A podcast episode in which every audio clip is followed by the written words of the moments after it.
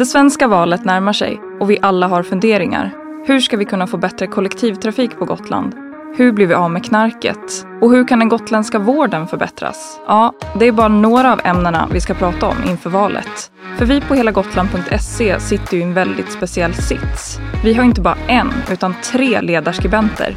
Därför tar vi hjälp av dem för att bena ut några av de viktigaste valfrågorna för gotlänningarna. Välkommen till podcasten Rakt på sak med Mats Linder, Eva Bofride och Erik Fransson.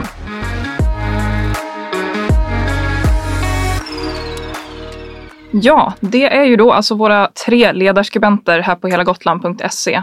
Med mig här idag har jag som vanligt Eva Bofride som skriver på oberoende centerpartistisk sida, Mats Linder som skriver för oberoende moderat och Erik Fransson oberoende socialdemokratisk. Jag som programledare heter Cecilia Thomsson. Idag så ska vi prata om försvaret och när det gäller just det så i många av de frågorna som gäller just försvaret så har politikerna på Gotland kanske inte jättestort inflytande över eftersom eh, besluten i många fall fattas på högre ort. Men en debatt som är högst aktuell här gäller ju Försvarsmaktens så kallade påverkansområden.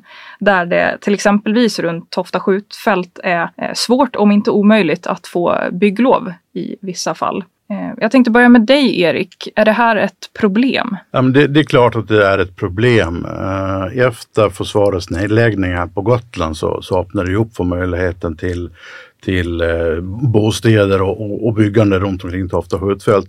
Nu, nu när försvaret är tillbaka, även om, om Tofta skjutfält hela tiden har varit ett skjutfält, aktivt skjutfält, så, så ökar ju bullret och då ökar den påverkan som är och då ställer det till problem tack vare att försvaret har den här möjligheten att säga nej till sånt. Eh, jag tycker att, att för att kunna lösa det här så tycker jag att Jesper Skalberg Karlsson eh, faktiskt hade en, en rätt intressant idé eh, när han menade på att man skulle skriva något form av kontrakt med de som ska få lov att bygga. Att ni vet att ni bygger inom ett påverkansområde och därmed har ni liksom ingen, ingen möjlighet att, att klaga på det. Eh, och det här är ju någonting som skulle kunna fungera runt omkring i andra verksamheter också. Så att Visst, jo det är ett problem och, och just idag så är det stora låsningar eh, och det här måste lösas. Ska säga, Jesper Skalberg Karlsson är ju toppnamn för eh, Moderaterna här till eh, riksdagen i valet. Eh, men Mats, vad tycker du om det här? Är det liksom rimligt att, eh, vi har ju sett exempel på att de som eh, redan bor och har sitt boende inom det här påverkansområdet får nej på att bygga ut till exempel. Mm. Är det rimligt? Alltså, låt mig vara till med, jag tycker Försvaret är första prioritet. Men och sen försvaret behöver, med tanke på de lagstiftning som gäller kring buller, säkra att de inte gör, släpper fram någonting som gör att deras egen verksamhet hämmas senare. Med detta sagt så tycker jag att man behöver, jag tror tyvärr inte det räcker med något avtal. För liksom bullerlagstiftning och sånt där är ju inte dispositiv eh, eller möjlig att avtala bort på det sättet. Eh, eh, så det kommer att krävas lagändringar för att eh, men jag tror att om man får dessa lagändringar så kan försvar och fritidsboende, fastboende mycket väl samexistera. Det är ju inte som att bo vid en motorväg liksom, eh, när man bor nära ett skjutfält utan det, uppstår störningar men inte hela tiden och alltid och dygnet runt. Eva? Ja, jag tror man måste ju för det första i grunden komma ihåg att varför försvaret etablerar sig här igen, det är ju inte för att de vill ha mer att göra utan det är ju för den situation vi har i omvärlden. Och som att säga, det måste ju ha eh, prioritet att de kan utföra eh, försvaret av Sverige. Eh, det som ligger lite försvaret till last är ju det här som de gick ut och sa ganska tidigt när de började återetablera på Tofta, att de skulle överklaga allt för säkerhets skull. Nu vet vi ju inte om det var någonting någon sa bara i stunden eller om det verkligen var så. Men har man den inställningen då, då blir det lite svårt att förena de här två motstående intressena. För de som eh, bor där har ju också sina rättigheter så att säga. De måste ju det måste ju vara en, rätts, en uh, rättssäker prövning. Finns det någonting som uh, Region Gotland kan, kan göra här för att uh, förändra situationen? Det är väl i så fall att, ha, att försöka ha en bra dialog med militären, att, att påverka regering och riksdag. Det är väl de enda vägarna man kan göra. Jag tror inte man kan göra det så själv utifrån den lagstiftning som finns. Sen finns det ju några personer ett, inte jättestort men inte litet heller, personer som har råkat illa ut. Och köpt fastigheter där de har varit kunnat säkra på att bygga, där de sen inte har kunnat bygga. Och jag tycker att eh, i anständighetens namn så borde de få ersättning för det. Och ganska nyligen här då så eh, kom ju ett besked om att eh, Försvarsmakten eh, säger nej till några planerade såna vindkraftparker som skulle ligga till havs en bit utanför Gotland. Och totalt ska det handla om omkring 600 vindkraftverk som kanske inte Eh, kommer att få eh, byggas nu då. Vad, vad tycker ni om det? Är det liksom eh, ett problem? Jo, det är ju ett problem. Det blir ju krångligt när försvaret hävdar att det här blir ett problem, den här vindkraftsetableringen är ett problem för deras verksamhet, trots att det ligger utanför de här områdena som de är utpekade för försvaret.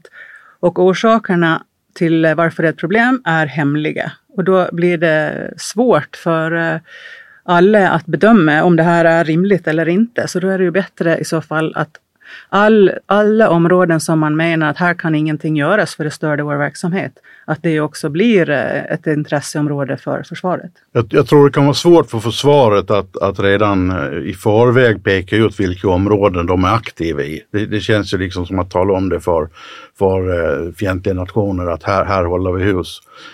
Så att att de här områdena nu blir utpekade från försvaret att här vill vi inte ha några vindkraftparker.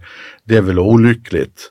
Eh, men områdena var inte så pass stora så att eh, de här eh, satsningarna ska kunna gå omkull helt och hållet. Utan det fanns rätt så stora områden kvar som försvaret har sagt okej okay till. Eller i alla fall inte nej till ännu. Eh, vilket, vilket gör att, att det ändå finns en, en, en eh, möjlighet att satsa på stora vindkraftparker eh, ute havsbaserade. Då. Fast problemet är ju för den som söker de här tillstånden, det är ju enormt kostnadskrävande processer och man har ju varit väldigt noga innan man lämnar in de här att man vilka områden som eh, omfattas och sådär. Och kan man inte lita på det så blir det ju väldigt svårt för de här eh, som vill då satsa på vindkraften som är en av våra viktigaste faktorer för att komma åt eh, klimatkrisen. Men, men, i det läget är det ju bra för staten att de kan gå in och liksom göra förarbetet och tala om att, att vind vindkraftsetableringarna, de, de som vill göra vindkraftsetableringar, tala om vilka områden som är intressanta för dem. Staten går in och tala, eh, gör en undersökning och kolla vilka är möjliga att göra det på utifrån det olika och att, att man sen kan börja etablera sig. Nu, nu är det ju entreprenörerna som får sköta det här själva och det, det känns ju lite galet när det är en så pass stor och viktig nationell fråga som, som eh, tillgången till elkraft. Nu tycker jag i och för sig att tillgången till elkraft är som mest problematiskt när det, när det inte blåser. Ehm, så man kan ju ha delade meningar om hur, Vindkraften är absolut en del av Sveriges energiförsörjning och, och, och kommer att behöva vara det även i framtiden. Men jag, hur stor del av lösningen kommer att vara tycker jag är jag är till exempel inte så glad till de här Vattenfalls på Eiffeltornshöga eh, vindkraftverk i en skog på mellersta Gotland. Eh, vi får se vad försvaret säger om den satsningen. Ja men precis, det, åter, det är säkert eh, hemligt. Det också, eller vad tror ni?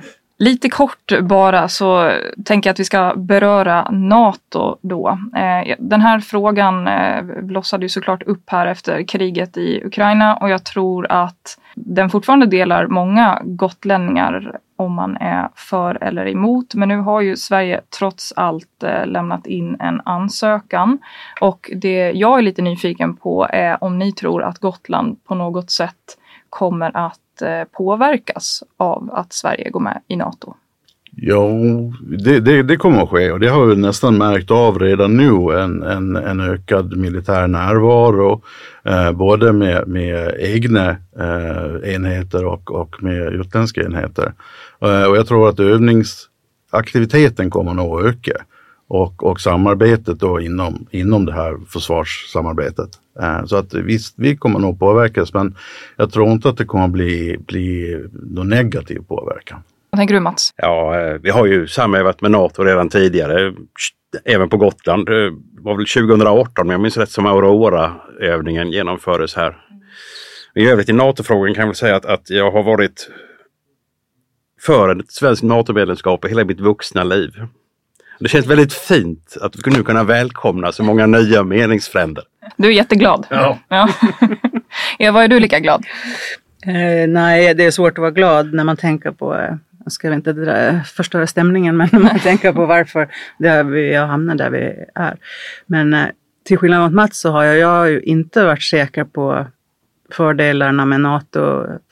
Jag är inte ännu, utan det, jag tycker det här är en fråga som är så så himla svår och stor och där det är eh, det får liksom de som vet bestämma, så tycker jag, även om det kan låta konstigt. Då. Men hur det påverkar Gotland är ju också, eh, finns ju de som tror att vi kommer att få kärnvapen och att vi kommer att ha en trupp här baserad, baser som flyttas till Gotland och allt möjligt vad det är. Det tror jag inte.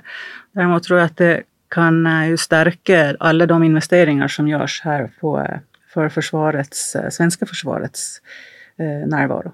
Ja, då tycker jag att vi eh, sätter punkt i försvarsdiskussionen där och så kommer vi att fortsätta med Valpodden rakt på sak fram till 11 september.